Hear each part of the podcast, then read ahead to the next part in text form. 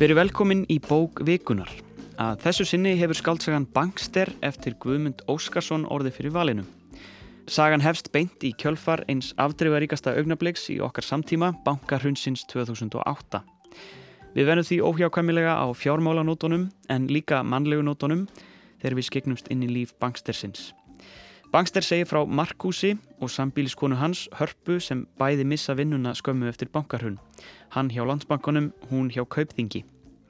Vinnur Markúsar hvetur hann til að halda dagbók til þess að vinna úr tilfinningum sínum í atvinnuleysinu sem ekki virist sjá fyrir endan á og lesendur eru leytir áfram í umkomu og ráðaleysi eftir hunds mánadana. Í dag ræðum við bálkjestina og ekkin, bankana og skuldirnar, tómarúmið og atvinnuleysið. Um áratögur er liðin frá þessu merkingar hlaðna ári 2008 Áratögur, liðin og þjóðin er enn að velta þessu fyrir sér. Hvað fór úr skeiðs? Hvað er siðferði? Virkar kapitalismi? Og síðast en ekki síst mun þetta gerast aftur.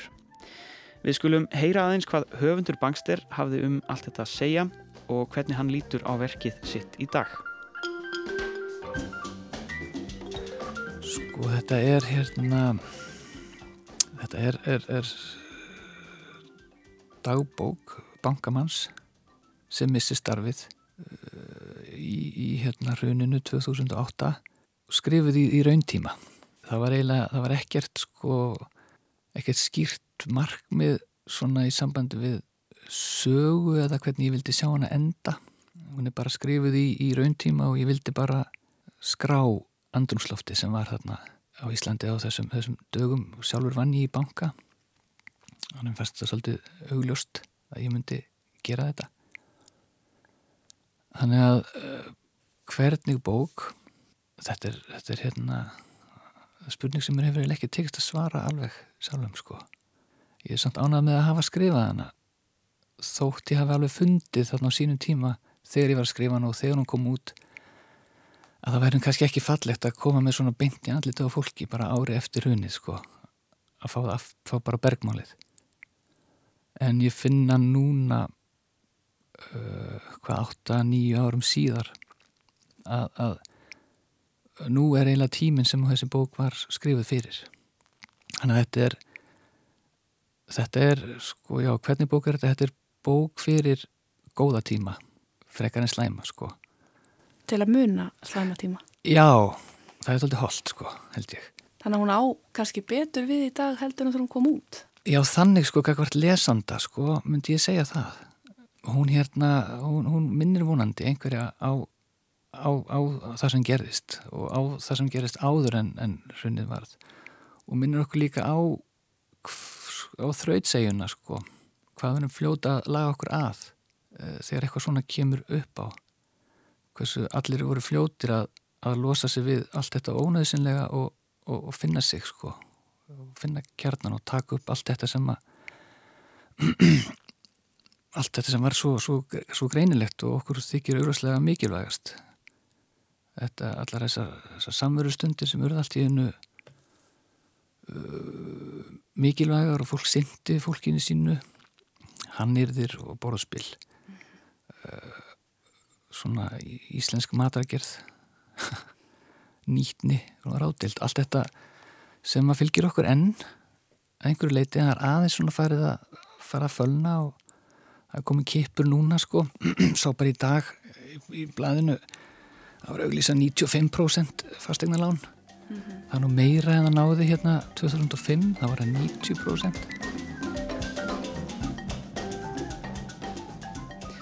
Við hefum hér Guðmund Óskarsson segja frá bóksinni Bankster sem er bókvikunar hér á Rás 1 það var Halla Harðardóttir sem ræti við hann Og hjá mér eru góðir gestir, þau Guðrún Baldvinsdóttir, bókundafræðingur og Viðar Þorsteinsson, heimsbyggingur. Verið því velkomin. Takk fyrir. Við þurfum vist svolítið að ræða hrunið í sambandið þessa bók og ef við förum kannski svona aftur til 2008, eigið þið einhverja sérstakka minningu af já, öllu þessu sem gerist? Guð blessi Ísland og þessi svona augnabliki. Viðar. Já, já, það, ég verðindar mín, mína kringstæður voru mjög sérstakar því ég var ekki stattur á Íslandi heldur var ég stattur á, á svona heimsþæktu, allræmdu átakarsvæði ég var á, á vesturbakkanum í Palestínu. Já, og svo bara fór ég að fá SMS og, símtöl svona frá fjölskyldu og ná- nánast að fólki á Íslandi sem var svona að segja mér að kveikja sjónvarpinu og hvað hefði verið að gerast og sérstaklega minnst á ræðu Geirs Horti sem að greinlega hefði svona verið þetta moment sem skaut fólki hvað mest skelki bringu sko. Akkurat. Þegar að hérna íslensku stjórnmálamæður kom alltaf inn í sjónvarpinu og fór að tala um Guð sko, svona, þá hlýtur nú eitthvað mikið að vera að. En það var áhugavert og ég var hérna á svona alþjóðlegu gistiheimili í austur Jérúsalem sem er, er hernuminn borg sko og fólk þar er nú ímsu vant og þá voru svona innfættir að koma svona til manns og klappa mann á axlina og, spyrja svona já, ég vona að sé allt í lægi í landinu þínu, kæri vinnur og, og hérna, því þetta náttúrulega var svo mikil svona heimsfrétt sko, ak- akkurat þarna þessa Já. viku sko, þetta var, var á BBC World CNN og, og raunverulega var svona svolítið eins og heimurinn væri að farast á Íslandi sko. en maður hafði svona svolítið svona perspektíf á þetta sko, að vera veginn statur hann stær, ég kannski tók eftir þessu sérstaklega sko þegar ég hérna, þurfti að fara í hraðbanka og það allt í hennu þú veist, einhvern veginn tæmdist bankareikningurum minn við það að fara í hraðbanka og taka út eitthvað svona sex, ég held að væri bara minni áttur upp sko, þá var þetta hrun krónunar náttúrulega Já, búið að eiga sér stað sko. En já, það voru merkilegi tímar. Já. Áttu eitthvað svona? Já, ég var sko sjálf bara í mentaskóla og hérna og skildi náttúrulega ekki neitt, skuldaði ekki neitt átti eiginlega ekki neitt og hérna og ég man bara eftir að horta á ræðuna hans Geirs og hérna ringdi strax í mömmu og spurði bara, ég var, mann voru nýbúin að læra svona í sögu um svona kreppina miklu og líka svona bara 20. aldar sögu á Íslandi og voru svo mikið að tala um hvað hérna þróun hefði gerst hratt og svona. Og ég man svo mikið að ég sá fyrir mér að við værum bara í alvörinu öll að fara að slökka ljósin og hérna og við myndum fara með hjólburðnar af pening. Því það er svona mynd í sögubókunum af einhverjum einhver staðar að fara með hjólburður af peningum. Já, Þískaland á kreppu árunum Já, og hérna, og ég syngdi mömmu og spurði bara, bara, er það, bara og lísti þessu, þessari mynd og bara er þetta að fara að gerast? Já, og mamma sagði nú nei sko en hérna, en ég held að maður gleymi þess ekkert sko, sem er náttúrulega ótrúlega skrítið núna í dag að hugsa til þess að þetta sé einhvern veginn atbyrður sem að maður gleymir ekki hvar maður var þegar að allt er svo núna bara veginn. þetta er, já, þetta er einn af þeim atbyrðum. En þið nefnir bæði sko símtöl eða síma og maður getur ímyndað sér sko að margt hafi farið fram mörg símtöl og margir símar hafi verið rauðglóandi svona á þessum tíma og það er einmitt þannig sem sko bókin byrjar á hefst á símtölum og það er hérna það eru nokkra blaðsjöður þar sem að hérna, feðgar tala saman og, og maður upplifir þessa örlæðaríku atbyrði bara í orðaskiptum. Hvernig fannst að fá enga meiri lýsingu á þessu heldur en bara orðaskipti? Mér fannst að um, maður vissi allavega alveg nákvæmlega hvað var að gerast. Mm. Það þurfti mjög lítið til til þess að maður áttaði sig á hvaða tími þetta væri og hérna og hva, hvar personinnar tvær, sérst fæðirinn sem býr engstar uh, út á landi á vestfjörðum Já, og hérna og svo hann bankamæðurinn sem er þannig inn í ringiður alls en er samt ekki inn í atbyrðarásinni, hann er bara vinnur í bankanum. Og hérna og en bara maður veit já. nákvæmlega hvað er verið að tala um. Maður veit alveg hvað er að þetta tala um. kannski, Já, þetta er alveg nóg. Já, mér finnst það svolítið svona kannski lýsandi fyrir þessa sögumörgu leiti maður finnst einhvern veginn svona í, í minningunni sko þá er, er, er þessi skáldsæða alltaf svona, hún gerist rosalega mikið inni á heimili, svona heima, inn í stofu og svo eru svona eru þessir gluggar einhvern veginn út þaðan fræðir sem liggja þaðan og þaðan koma svona heyrast svona skilabóðin en þau eru samt svona einhvern veginn eins og pínu fjarlæg, þau eru eitthvað annar stað frá þú veist, það er bæði einhvern veginn eins og hruni sjálft og þeir atbyrðir eru svona eiginlega eiginlega utan við söguna sko, að mörgu leiti þetta er svona uh, saga um enga líf og í raun saga um enga atbyrði sko. Og svo er líka þessi tenging við, við þú veist, föðurinn sem að ég menna, mann finnst þess að hann eigi að standa fyrir eitthvað svona eitthvað svona sannan gamlan kjarna sko, Íslands, skilur landsbyðina eða eitthvað svona greinar eitthvað slíkt. Og það er líka svona kemur svona, svona, svona svona utanað og, og inn í þennan svona hjúp sem mann finnst kannski vera svolítið utanum mm. alpersonu bókarinnar í, í, í bangstir sem er áhugavert Já, og maður fær eiginlega aldrei að kynnast þessum foreldrum sem hann tala við í síman. Maður fær aldrei að kynnast þeim betur og einhvern veginn upplifa þetta á, á einn skinni.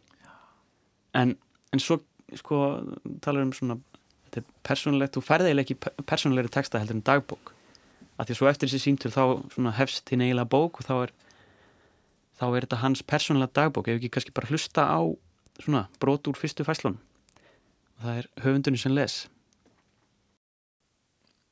Dagur 6 Jú, Þetta er nýtt upphaf, nýtt líf, heil ný æfi eftir framtíðarmissin. Allt er óljóst en allt kemur ljós. Eða hvað? Óljós stýðir ekkert ljós, tímabundið myrkur. Kanski mun ég aldrei sjá lengra en textin í þessari dagbók nær. Hvort sem allt kemur í ljós eða ekki, þá, en auðvitað kemur í ljós hvernig fer. Ég bara hlakka ekkert til þess, eins og ég sé hrettur um þetta nýja líf, krefist einhvers af mér sem ég er ófær um. Dagur sjö. Á sjöunda degi, en ég hef ekki skapað heim og á þess vegna ekki rétt á að kvílast og það er líka bara fymtudagur. Dyrasímin ringdi í hádeginu. Það gerist sjaldan án þess við eigum vona einhverjum. Þetta var Guðni. Ég átti ekki vona honum. Hann hefur ekki náði í mig í síma. Hópur úr deildinni, úr gamla landsbankanum, ætlar að hittast vikulega og borða saman. Hann var á leiðinu þangað. Ég ætlaði alls ekki með honum. Skildi bara spjalla aðeins um ástandið og okkar stöðu í því hveðja svo og leggjast aftur í sófan með fjärstyringuna. Við skiptumst á nokkrum orðum áður en ég klappaði honum á aukslina, baðan að bera hópnum hveðju mína og gerði mig líklegan til að loka. Guðni stóð kyrri í dyrunum. Hann sagði ekkert en rendi höndunum í buksnavassana og varð þannig í framann að ég sá honum þótti greinilega mikilvægt að ég kemi með. Og þegar hann sagði mér allt í einu að láta ekki svona og kiftist yfir þröskuldin opnaði fórstóðskápin og rétti mér þykkasta frakkan, gati ekki annað en gefið eftir. Ítni er glæni í hlið á guðuna, þessu taugaveiklaða góðmenni sem það vil helst ekki valda vanbröðum. Þau voru flest mætt þegar við komum, sátu við langborð og áður en ég vissi af var ég farin að faðma og kissa ilmandi kinnar. Ég fekk stól við eitt hornið, miða við þrengslinn komu öruglega fleiri en búist hafi verið við. Það var létt yfir fólkinu og stundum hleyið brjáleðislega. Anton satt við hinn endan og saði fyndnar sögur eins og fleiri sem voru enn með vinnu. Við höfðum hilsast eins og vanalega eins og ekkert væri breytt. Anton Kuso, ég Tony Capiche. En ég var einangraður þarna á horninu og saði fátt. Tók bara ósalagt undir í mesta hládrunum. Ég glemdi mig við að skoða andlitin sem ég sá áður daglega kannski var það ljósi þarna inni, kannski sifjan, en mér fannst ég ekki hafa séðu árum saman. Árum saman. Allt er svo breytt að mér finnst að mér í tími ætti að vera leðin. Tíu ár frekar en tíu dagar síðan við hugsaðum stort. Tímin líður svo rætt um þessa myndir að allt verður sagfræði næstum um leið og það gerist. Guðmundur Óskarsson las hér brot úr upphafi Bankster. Hvað, hérna, hvað gáttu þið lesið út úr þessum svona fyrstu færslum Hva, hvernig maður er Markus eða hvernig, kannski frekar hvernig maður var hann fyrir hrun Við sjáum náttúrulega þarna í þessum fyrstu færslum hann er mjög stuttar eða allar fyrstu færslunar og hann er að hérna, að verður með að koma orðunum út úr sér eiginlega mm. og hérna og maður sér bara hann það er bara hildýpi fyrir einhvern veginn mm. og hann getur eitthvað neginn kvorki sko litið til að baka í þessum fyrstu færslum nýja fram, er bara fastur þarna í þessu, þessu augnabliki þannig hérna og og það er hérna einmitt þessi svona skil það er svona fyrir og eftir að þetta er svona skil sem munir breyta lífi hans og lífi allra kringum hans mm -hmm. kringum og einmitt áhugavert sem að segja þannig alveg síðasta setningin um, sem við heyrðum um að allt væri sagfræði Já. að hérna ég held að þetta sé einhver svona tilfinning sem að hafi fyllt þessum atbyrðum öllum að fólk hafi svona haft á tilfinningunni að þetta myndi komast í sögubækunar og þau væri, fólk væri einhvern veginn allir að upplifa söguna. Já. allir væri að taka þátt í sögunni með stóru hessi Það er svona þessi klassiska kynverska bölvun megið þú upplifa áhuga að vera tíma? Já. það er kannski það sem að fólk var svolítið að upplifa. En, en svona en er eitthvað sérstakt við þessi viðbröð ég menna haldið að hann talar um að tíminn líðir hratt og þetta er svona örlaður ekki rættbörðir haldið að, að allir geti einhvern veginn sam, samsama sig við þessi viðbröðu eða? Nei, enga veginn, ég held að þetta sé mjög svona, ég held að svona þetta er svona andi sögunar og, og, og, og þú veist og sögursviðið og svona til hverra kannski hún talar er mjög svona stjættbundið fyrst mér því að hérna, jú þó að, þó að sagt, þetta drama hrunsinn sé þarna svona í bakgrunni að þá er sem ég samt og svona það sem raunverulega drýfur sko dramað í sögunni er eiginlega miklu frekar sambandslitin skilur, og pælir í því sko og maður þarf tilfinningunni sko að þú ert að, þú ert að hlusta á svona á svona fáað borgarlegt subjekt sko, þú veist, sögumæðurinn hann, hann er, svona- og þetta sko dagbókar skrifin, þessi svona hugmyndum að getur einhvern veginn svona farið inn í sjálfa þig og svona reflektera þig einhvern veginn í gegnum svona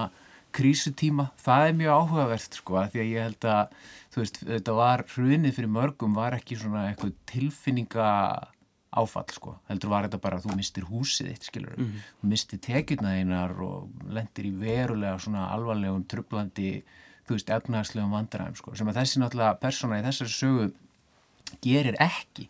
Og það sem að manni kannski finnst að sumuleiti meira enginandi við söguna er bara það sem að hann hérna til dæmis Þormóður Dagsson, gaggrínandi á morgunblæðinu lísti sem sko áreynslu laus hún er í rauninu ótrúlega þú veist, áreynslu lítil sko, þannig séð, það er svona verið að svolítið að svona, eins og ég segi svona, eh, svona eh, drama, áhyggjur, átök er, það, er, það er svona auðvelt fyrir þessa personu að smætta þetta niður í svona tiltölulega svona stabílt eh, reflekterandi og notalegt hugurástand að mörgulegt, þetta er notaleg saga. Þú lest hana svona við kertaljós einhvern veginn heima hjá þér, inni hjá þér í einhverjum svona þægindum og, og eins og er hérna líka sko í sögunni, það er svona eins og lætin og háfaðinn sko í samfélaginu, það gerist fyrir utan. Þú veist, það er fyrir utan gluggan og það er ekki fyrir en að hann svona álpast inn á eitthvað kaffihús að, að það svona verður svona eina mómenti í sögunni þar sem að maður finnur fyrir raunverulegum átökum sko, það er þegar hann lendir í svona einhverju konfrontasjón, það er mjög áhugavert svona augnablík í, í sögunni sko.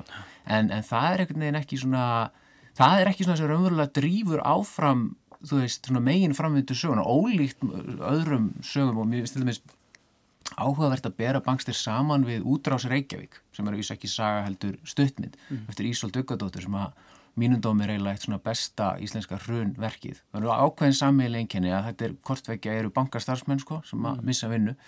En í útrás Reykjavík er, er dramað miklu áþræfanlegra og miklu dýpra og, og hún, sérst, móðurinn í þeirri stuttmynd sem að, að missir vinnuna í bankanum að hún, sko, hennar tilvera raunverulega hrinur, það er að segja í þeim skilningi hún fær 50 sínum og hún sé að fara að missa húsið sko. og hennar viðbröð eru ekki svona þetta yfirvegaða ég fer inn í mig og, og eitthvað neginn, þú veist, kveikja reykjelsi og eitthvað slíkt, sko, heldur, þú veist, hún, hún er bara, þú veist, öskrandi hysteríst, sko hérna, hún, hún, brotnar niður skilur, mm. liggur æpandi út á svölum og það er svona drama, einhvern veginn hrunið sem drama drýfur þá frásögn miklu meira áfram heldur en þessi saga hér gerir. Og svona minnir mér svolítið á svona vissa snefningu sem ég strax fann hjá svona kannski ákveðnum þjóðfélagsópi sem ég líklega tilheri sjálfur svona milli, menta millisetta fólk að það var svona, er þetta ekki í rauninni bara svolítið svona öllum holt sko, fá svona smá hrun skiljiði Ha, við lærum öll af þessu og nú förum við svona aðeins og förum og kaupum fötun okkar kannski bara í svona einhverjum, þú veist, outletbúðum, mm -hmm. prófum það, þú veist, og þetta var svona minniháttar, svona minniháttar hérna, uppákoma í rauninni kannski í svona frekar lignri og örugri tilverð. Já, fyrir, fyrir þennan Fyrir Markús, þennan hóp, já. já. En hann, þetta er einmitt, hann upplifir ekkert sérstaklega óþægilega hluti eftir þetta, hann, hann upplifir bara svona, það, það er sjálfsmyndin miklu frekar sem er hrunin, er það ekki? Jú, ég held líka kannski að sé einhverju leiti sko um, hann er náttúrulega að skrifa sjálfur það sem hann er að gera og það sem hann er að gangi í gegnum. En hann er samt kannski um, hann er kannski ekkit endilega alveg hreinskilin við bókina þótt hann ætli sér að vera það sko. Að þá hérna að það sem hann er að gera er vissulega mjög hugulegt og þú veist maður, einmitt, hann er ekkit að æsa sig og allt er bara svona einhvern veginn. En hann er samt sko, hann er samt að spegla sig einhvern veginn í um, hvernig, hvernig aðrar, aðrar personur í lífi hans taka sérst, hans aðstæðum. Hann er hún mikið svona, já þessi sagði nú þetta við mig og þessi sagði nú þetta og mér leiði nú svona en ekkert samt eins og segir, bara ekkert mjög dramatíst en ég held samt að hann sé að einhverju leiti svona að halda aftur á sér. Mér finnst ég einhvern veginn finna það. Já, hann sé að halda aftur Sko, að hverju þá. að halda aftur af svona hversu mikið hann getur ekki litið til mér fram á veginn eða hversu mikið hann getur Já, ekki búið til Hann sé að framtíðarplön. halda aftur á sjálfsvorkuninni. eða svona bara eins og maður ímynda sér að maður sé þegar maður líður mjög illa þá er maður kannski, eða sko, og líka eins og sko, náttúrulega kallmennskan er náttúrulega mjög svona, hann er eitthvað neginn svona að díla við hana undir neyri sko, að hérna hann getur samt ekki alveg sagt bara váka með líður ömulega, váka þetta er ömulegt og váka, en svo sérst það samt í öðrum personum sem að hitta hann. Að það, þú veist, ég meina hann er samt líka bara á sófanum allan daginn, eða þú veist, og fer í göngutúra og nei, mér finnst það svona vera það er kannski líka svona þær kröfur sem samfélagi setur á hann, að hann haldi áfram Mhm. En finnum maður til með honum? Er hann sympatískur svona? Ha, nei, það því við erum ekkert ekki sagt það sko, nei, nei, nei og, og hérna og, og, og það er náttúrulega svona þrá, þráðurinn í þessu en náttúrulega, ég minna í rauninni er það ótrúlega svona svona eila pínu vulgar sko að þessi bók hafi fengið þú veist bókmyndavelun og svona sko. Því þú veist þetta er náttúrulega svona eila svona sjálfs, þetta er svona varnarrit sko í rauninni bankamannsins mm. og sem er leiti sko. Uh, og svona uppgjörið er einhvern veginn að ég segja svona smætta niður í þetta svona persónlega, þetta er eins og þetta sé einhvern veginn svona hans vandamál við sjálfan sig sko. Þú veist frekar en til dæmis einhver einhver hérna refleksjón um ábyrð sko, þú veist, ég meina ábyrð bara auðmannastjættarinnar eða auðvaldsins á Íslandi, þú veist, fyrir þessa auðvitað hryllilega og ábyrgu og glæpsanlegu framkomu gagvart bara almenningi og launafólki á Íslandi og hvað svo leys, en þú veist, Sagan alltaf gerir það alltaf með því að fara í þetta sem að hann Már Másson hefur kallað sko litla bankamannin skilur, það er svona ákveðin leið sérst framhjá þessum svona erfiðu spurningum að það er að fjalla ekki um sko hákallin sko heldur litla bankamannin og því að þú ferði í litla bankamannin sko þá ertu svona búin að eða svona gera þennan geira sem að náttúrulega, ég meina, óhjákvæmilega er verið að representera vissu leiti, bankster. Hann er bankster, en sko en þú veist, þetta er litli bankamæðurinn, skilur og þá er búið að svona opna fyrir þessa leið að já, þú getur haft samúð, hann getur fengið að vera manneskja, uh, getur sagt að þú veist að hann hafi í rauninni kannski ekki verið svona hinn ábyrgi sko, hann hafi ekki verið gerandi, hann er svona meira eins og áhorfandi og, og svona vitni sko en þetta er einhver síður ákveðin svona ákveðin svona ákveðin taktík sko, ég vantrist alltaf litla bankamannin Já, en það er um að gera. En ég held, mér finnst sko ég hef ekki beint samú með honum en ég er samt ekkit sko um, að ég er bara veginn ekkit að pæla í hans sko hlutverki í hruninu. Ég er bara einhvern veginn, það er bara komið og það er mér finnst að vera miklu meira að vera eitthvað svona lýsa um, svona lýsa tilfinningum eftir hrunið bara og þótt að hann hafi og því er svona mjög meðvita sko svona haldið aðskildu hruninu sjálfu og hvað var að gerast þannig fyrir. Það er bara svona einhvern veginn hvað var einhvern veginn, þetta er miklu meira bara svona Setja tónin setja tónin og sviði eins og sagðir en ekkert sko svo meira. Svo er hann bara einstaklingur sem að er bara emitt, misti vinnuna og er á bömmir Já, já, og það, hún forðast náttúrulega svolítið svona þetta sem er, hefur verið einkenni á sögum um sko stóra bankamannin sem er daldið bara svona minni í vestarinni bóngdarsögu og verið lengi til, þetta er svona spákaupmaðurinn sem að, þú veist, rís rosalega hátt sko og verður alveg aðal maðurinn skilur svona, svona Wolf of Wall Street sagan sko sem er, sem er klassísk saga sko. Og, og þá vekur þetta upp svona alls konar tilfinningar sko hjá áhörvendanum þú veist annars vegar getur þú farið að halda eins með honum í þessu sko og hann gera sko hlut hann til dæmis affjúpar oft hræstni sko hérna borgarastjættarinnar sem fyrir er af því að stóri bankamæðurinn hann kemur alltaf frá sko svona hann kemur alltaf úr lástjætt sko. En svo hérna rís hann upp sko og svo kemur, svo kemur hrunið sko. Og þá verður hrunið hjá honum ofta alveg rosalega brútalt. Og til dæmis ákveðin hef fyrir því stundum að stóri bankamenn sko þeir, þeir deyja.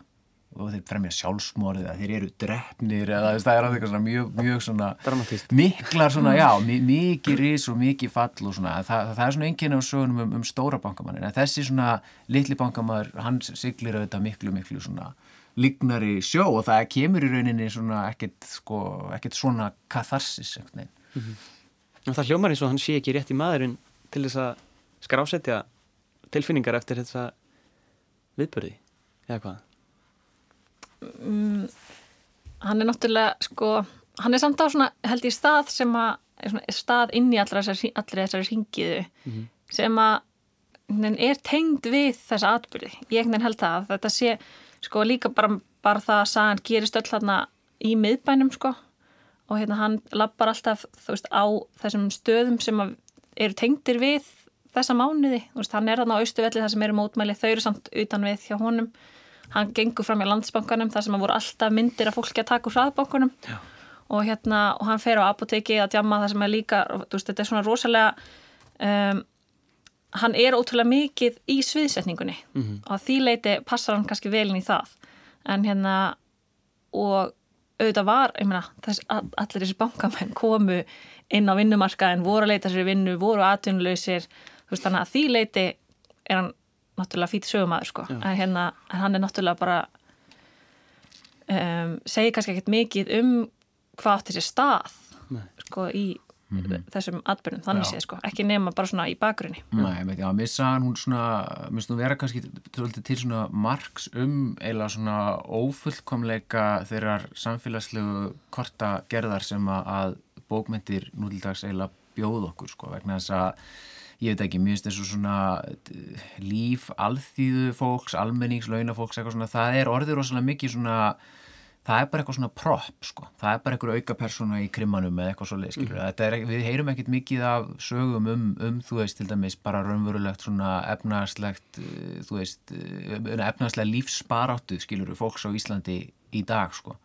þess vegna aftur finnst mér útrás Reykjavík stuttmyndinan Ísoldur Aukadóttur svo áhugaverð og óvinnileg þess að það sem gerist þar er að þú ert með sko móðurina sem er sem er sagt búin að vinna sem, sem þjónustufulltur í banka og svo dóttirinn sem er farin að vinna á kassanum sko í bónus. Og það sem gerist er að móðurinn fer eiginlega svona að upplifa svona og stjætta sko hérna uh, svona lækkun sko, stöðulækkun. Hún er að fara eiginlega að sökva niður í verkalistjætt og, og svona aðstæðan verkalistjættina eru gerða ákveðin skil í þeirri mynd sko gegnum dótturina.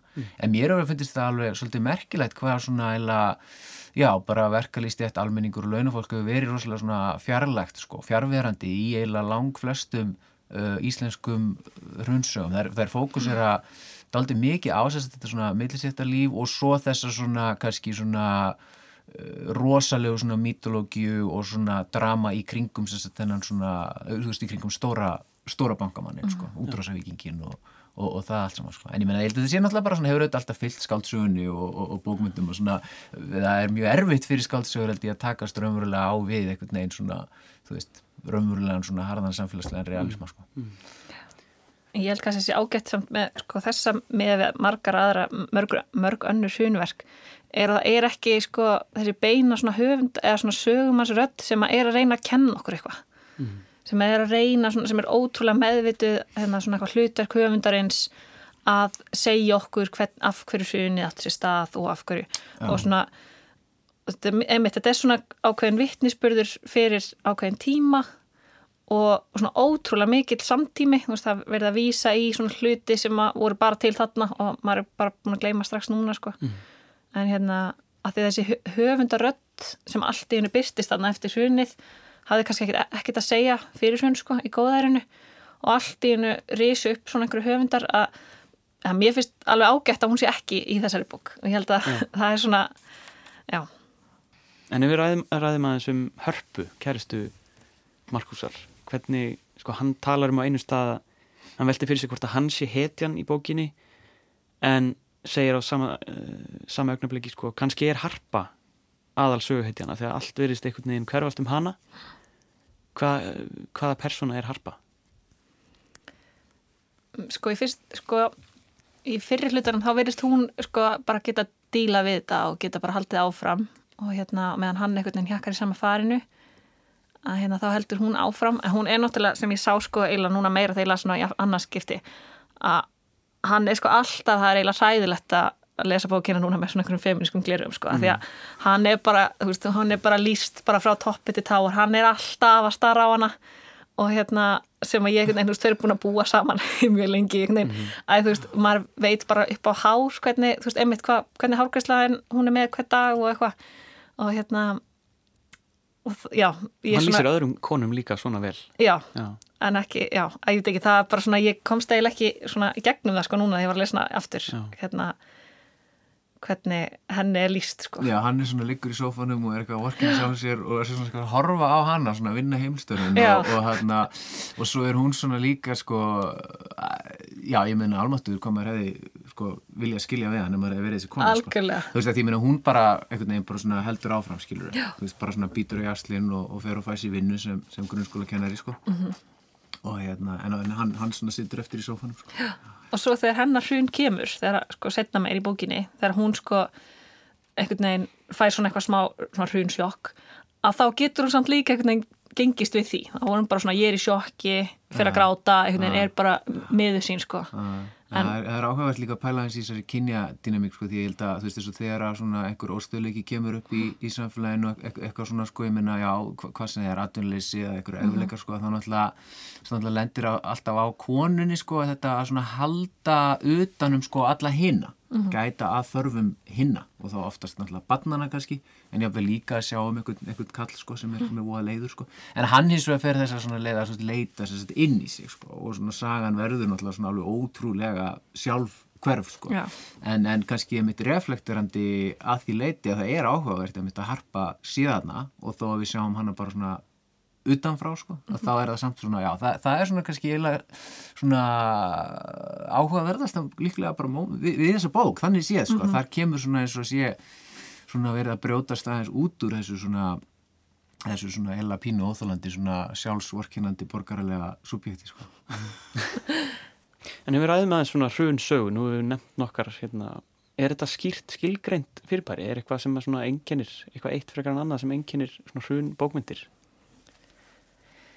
Mm, það er sko alveg hægt að greina mörg einkenni en ég held að um leiðum að fara sko, að greina þau að þá sé svo ótal mörg sem er einhvern veginn utan við þann mm. ramma en hérna en mér finnst allavega einmitt í mörgum þeirra verður svona þá er hægt að sjá þessi skil fyrir og eftir mm. og hérna og líka svona ákveðin írónía í því að sagt, um, þegar við erum hérna eftir hrun að þá lí, lítum við tilbaka á atbyrði sem gerist fyrir hrun og okkur finnst þér fyndnir af því að, eða svona grátbrósleir af því að þeir lýsa einhverju sem við vissum ekki þá en vitum núna ja. bara svona einmitt eins og að fletta hérna blöðunum og sjá hérna, eða sérst þau til dæmis í bangstir uh, finna gamalt blað einu sinni og sjá einhverja hvort það var auglýsingar eða eitthvað um eitthvað fáránlegt þú veist sem þeim fannst bara strax svona, svona sterk tilfinning sko ja. og hérna þetta má sjá einmitt í í mörgum svona hrun bókmæntum sko, þessi skil Já, þetta er kannski eins og Guðmundur segir hérna áðan, þá svona 95% fastegna lán Já. það er svona, manni finnst það förðulegt en, en svona eftir áheikja sko. Já, ég held að við hefum hérna svona í íslensku bókmyndum sko hefur þetta náttúrulega kannski verið svolítið þannig það hefur verið talað um þetta sem bara tengt þessu tiltekna hrunni svolítið sko, mm. það sé bara hérna, fjármálurhrunni 2008 Já. og ákveðin nefnit svona bilgja af verkum, leikrit og kvikmyndir og, og, hérna, og skáldsögur sem að e, fjalla um þetta tiltekna hrun. Og það er ofta það sem við meinum hérna held ég að við segjum hrunbókmyndir en, en, en, en hérna og, og þetta var líka til í, í bandaríkunum og Breitlandi sko, mm -hmm. svona, svona crash novel sögur um, um þetta, já. algjörlega, en hérna en auðvitað er þetta miklu lengri hefð En það er áhugavert að veltaði fyrir sér að ég held að við höfum á sumuleiti sko tapað smá tengslum við þá hefð og það er ekki tilviljun, þegar við skoðum bara söguna vegna þess að ég held að við séum ennþá svolítið að svona jafn okkur á þessu svona skringilega eila velmögunar og stöðuleika tímabili sem ríkti hérna eftir setni heimstyrjöldina og eila bara langt fram, fram, fram nánastundir lok 20. aldar að sumuleiti sko. Þetta, mm. þetta einstaka tímabili eila bara í sögu kapitalismans þegar kom engin kreppa, mm. Skilji, það kom engin kreppa frá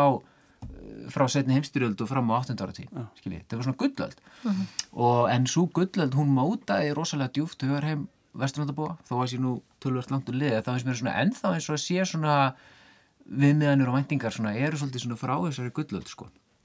Og hérna og ég held að við séum mögulega kannski bara svona að fara að vennjast í aftur núna að það séu að koma bara kreppur á svona 10-12 ára fresti eins og hefur bara verið alveg regla sko í, í, hérna, í, í sögu kapitalisman sko.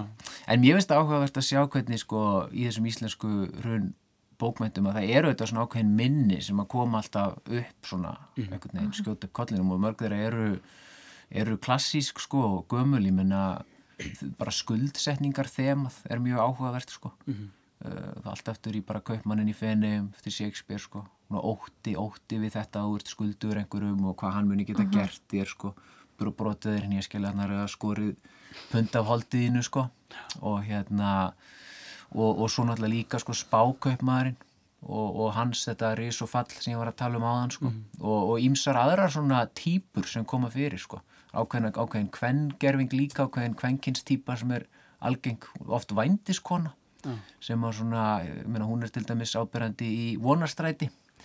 Og hérna og, og sér svona lengri sögu sko sem að meina, Daniel Defoe skrifaði um svona hvern gerði heim fjármálana Lady Credit uh, svona skemmtileg, skemmtileg típa. Og ég heldur sjá með þess að hluti alltaf skjóta upp kollinum sko vegna þess að þessi efnæðslegi veruleiki hann einhvern veginn er svona stöðu uppspretta ángistar sko fyrir okkur á vissu leiti sem ég held að hafa alltaf verið þó að, að þessi segjum um svona hugarheimur okkar er, er ennþá svona svolítið svona lifir ennþá í þessari blekkingu þessarar gullaldar sem að ég held að sé því miður liðin Hlað ekki. En ef við tökum þetta svona svolítið saman, nú eru, nú eru tíu ár frá þessu ári, 2008 og, og við erum kannski svona ennþá að velta fyrir okkur spurningum um þetta þessi tímamót og það var sett leikrit hérna á svið Guðblessi Ísland og við erum svona ennþá að, að velta þessu fyrir okkur. Hva, hvernig er þið sammála Guðmyndi til dæmis að það sé betra að lesa bankster í dag heldur en það var 2009? Um, ég, sko, já, ég, mér finnst þetta svona áhugavert sem hann sagði, ég held að sem einmitt rétt hjá hann að það er hægt að lesa hana núna og vera bara, að já, við erum svona, við erum, við erum nærið því að vera þarna fyrir, þess að í tímanum sem hann er að lýsa fyrir heldur en eftir. Og hérna, og maður getur verið bara, já, þetta var nú áhugaverið tími hér og hérna, og einmitt svona einhverju svona söguleg, maður getur svona einmitt, þegar sem maður sé að líta rosa langt aftur. En hérna um, ég ætla að lasa hann þess að sem ekki 2009 og tók einhvern veginn, ég var ekki sjálf einhvern veginn mikið þáttakandi í hruninu þannig sé sko, en hérna lasa hann það nokkur árum eftir. En uh, að af því að hún er samt svo mikil svona, hún er svo mikið að lýsa þessum á, nákvæmlega þessum tíma sko, þannig að það er sumt sem að fer svona mann finnst eiginlega næstu of langt síðan en samt ekki það langt síðan að það verði sögulegt skilji, þannig að hérna en ég skil samt líka mjög vel að fólk hafi við ekki nefnt að lesa hana þegar hún kom út eins og vorum oft viðbröðin þegar hún kom út. Já. fólki fannst þetta að vera fólk nefnt ekki að vera að pæla í þessu. Já, en ég meina þetta tíur ammali er, er hrunsins er, er, er áhugaverður tími. Mm. af því að sko ég meina hrunið náttúrulega þegar það átti sér stað var náttúrulega svona var náttúrulega rosalega krísa fyrir sko íslensku eða ráðastjættina, valdastjættina sko, þetta var óbúslega mikið svona uh, þetta, var, var svona áfyllistómur yfir, þú veist ansi mörgum sko, ég meina sjálfstæðisflokkurinn og samfélkingin og framsunarflokkurinn eiginlega allir flokkarnir voru búinir að einhvern veginn, þú veist innvingla sig í, þú veist, þessar slæmu efnahagsákvarðanir og ég veit ekki hvað og svona mikið verið talað um þetta hvernig allir voru svona nánast einhvern veginn tengdur þessu sko. En hérna hann þetta er svona, já, þetta er svona áfall og verður svona ákveðin krísa fyrir, þú veist, stjórnmálinn og, og svona þessar stopnarnir sem við eigum að geta treyst og eitthvað svoleið, sko og en sko, svo finnst mér núna eins og sko að sé svona kannski verið að svona, eins og við heyrum núna í samfélaginu það er ofta verið að tala um að nú þurfa svona endur uppbyggja tröst og eitthvað mm. stíkt sko. Og þá spyrum maður tröst á hverju? Þá er þetta svona tröst kannski svona á valdi tröst á, á leitónum og, stofnununum og eitthvað svoleið sko. og ég held að þetta núna tíurum setna að koma alltaf að fjalla um þetta vandræðala moment sko, það reynir svolítið á sjálfströst valdsins sko Já. og mér finnst það áhugavert að, að svona, ég, ég, ég spáði því að það verði bara mjög mikið húlumhæ og svona mikið svona, mikið svona stopnanalegt bara e, stopnanaleg gleði yfir því að tala um hrunið sko. allir munu koma og fá að taka þátt og, og vera með og þetta verður svona ekkit lengur neitt vandræðilegt og óþægilegt sko. og ég held að við sjáum líka svona ákveðna byrtingamind þess núna í þessu sem að, hefur verið að gerast núna síðustu vikum og mánuðum sem að svona fólk úr valdastöðum til dæmis fóra einhvern veginn beina sko me too umræðinni yfir í sem sagt eiginlega stöðu valdafólks í hrauninu það er mjög áhugavert sko. Ég menna ekki að, ekki að það hef ekki verið alveg fullkonlega réttmætt að, þú veist, fyrir þessar konur sem verður fyrir árásum heimilin sín og svona að tala um það. En samengið er samt sko þú veist, áhugavert sko. Og þar með náttúrulega er svona viss undirtótna að þess til dæmis þá að búsahaldabildingin hafi þá eiginlega verið bara svona eitthvað hálf eiginlega ekkur, ekkur, ekkur, hafi bara verið eitthvað villimennska og eitthvað svona óviðegandi dónaskapur og hafi allt bara verið einhverjir, einhverjir, þú veist, já, svona einhverjir, kallrembur og einhverjir svona aggressífir kallmenn eitthvað svo leiðis sem að kemur ekki heim og saman til þess að mína upplifun hafandi verið í búsaldabildingunni þar voru nú konur ekkert síður framalega í flokki sko. en, en þú veist, ég veit ekki þannig að ég hef svolítið ágjörði þegar að kannski ef að Guðmundur segir sko að bankstyrsi bók til þess að fara að lesa núna á þessum tímum því að hún náttúrulega er að mörguleiti svona, þetta er svona friðandi lesning sko á mörguleiti þess að ég segja, hún gerist inn á heimilinu og svona tónnin í bókinni er svolítið svona að að einhvern veginn eh, þessi sjálfsvera þarna sem að er að tala þessi borgaralega sjálfsvera sem er náttúrulega búin að vera svona vissuleiti svona uh, svona einn af, einn af þessum verkfræðingum eila fjármála valdsins sko. Að hann einhvern veginn svona er, er, er svona svolítið að setja fram kröfu svona ætlast til þess til þess að fá að vera látin í friði mm. Og, og hérna og, og svona, svona innri sjálfsréttlætingar orðræða um það að það sé svo ósangjant þegar fólk kemur og uppnefnir hann bankster en hérna þannig að það. kannski verður, það, kannski verður þessari bók hampað meira í tilefni af þessu tíu ára amali þegar þessi segi valdið á Íslandi er svona búið að auka kannski svolítið sjálfströst sitt sko eftir þetta áfall þarna fyrir tíu árum síðan og þannig að það verður spennandi að sjá. Já, fólk nennir ekki að kjósa meira og svona þannig að hérna. Já, það verður spennandi að sjá hvað þetta amalis ár hefur í för með sér en við þurfum eiginlega að ljúka þessu hér. Guðrún Baldistóttir og Viða Þástinsson takk hérlega fyrir komuna og takk fyrir spjallið. Takk. Bók fyrir. vikunar er þar með lokið en það var bankster eftir Guðmund Óskarsson. Ég minni forvitna hlustendur á eldri þætti á heimasíðu þáttarins rú.is, gástrík bók vikunar og í hlaðvarpinu. Takk fyrir að hlusta og verið sæl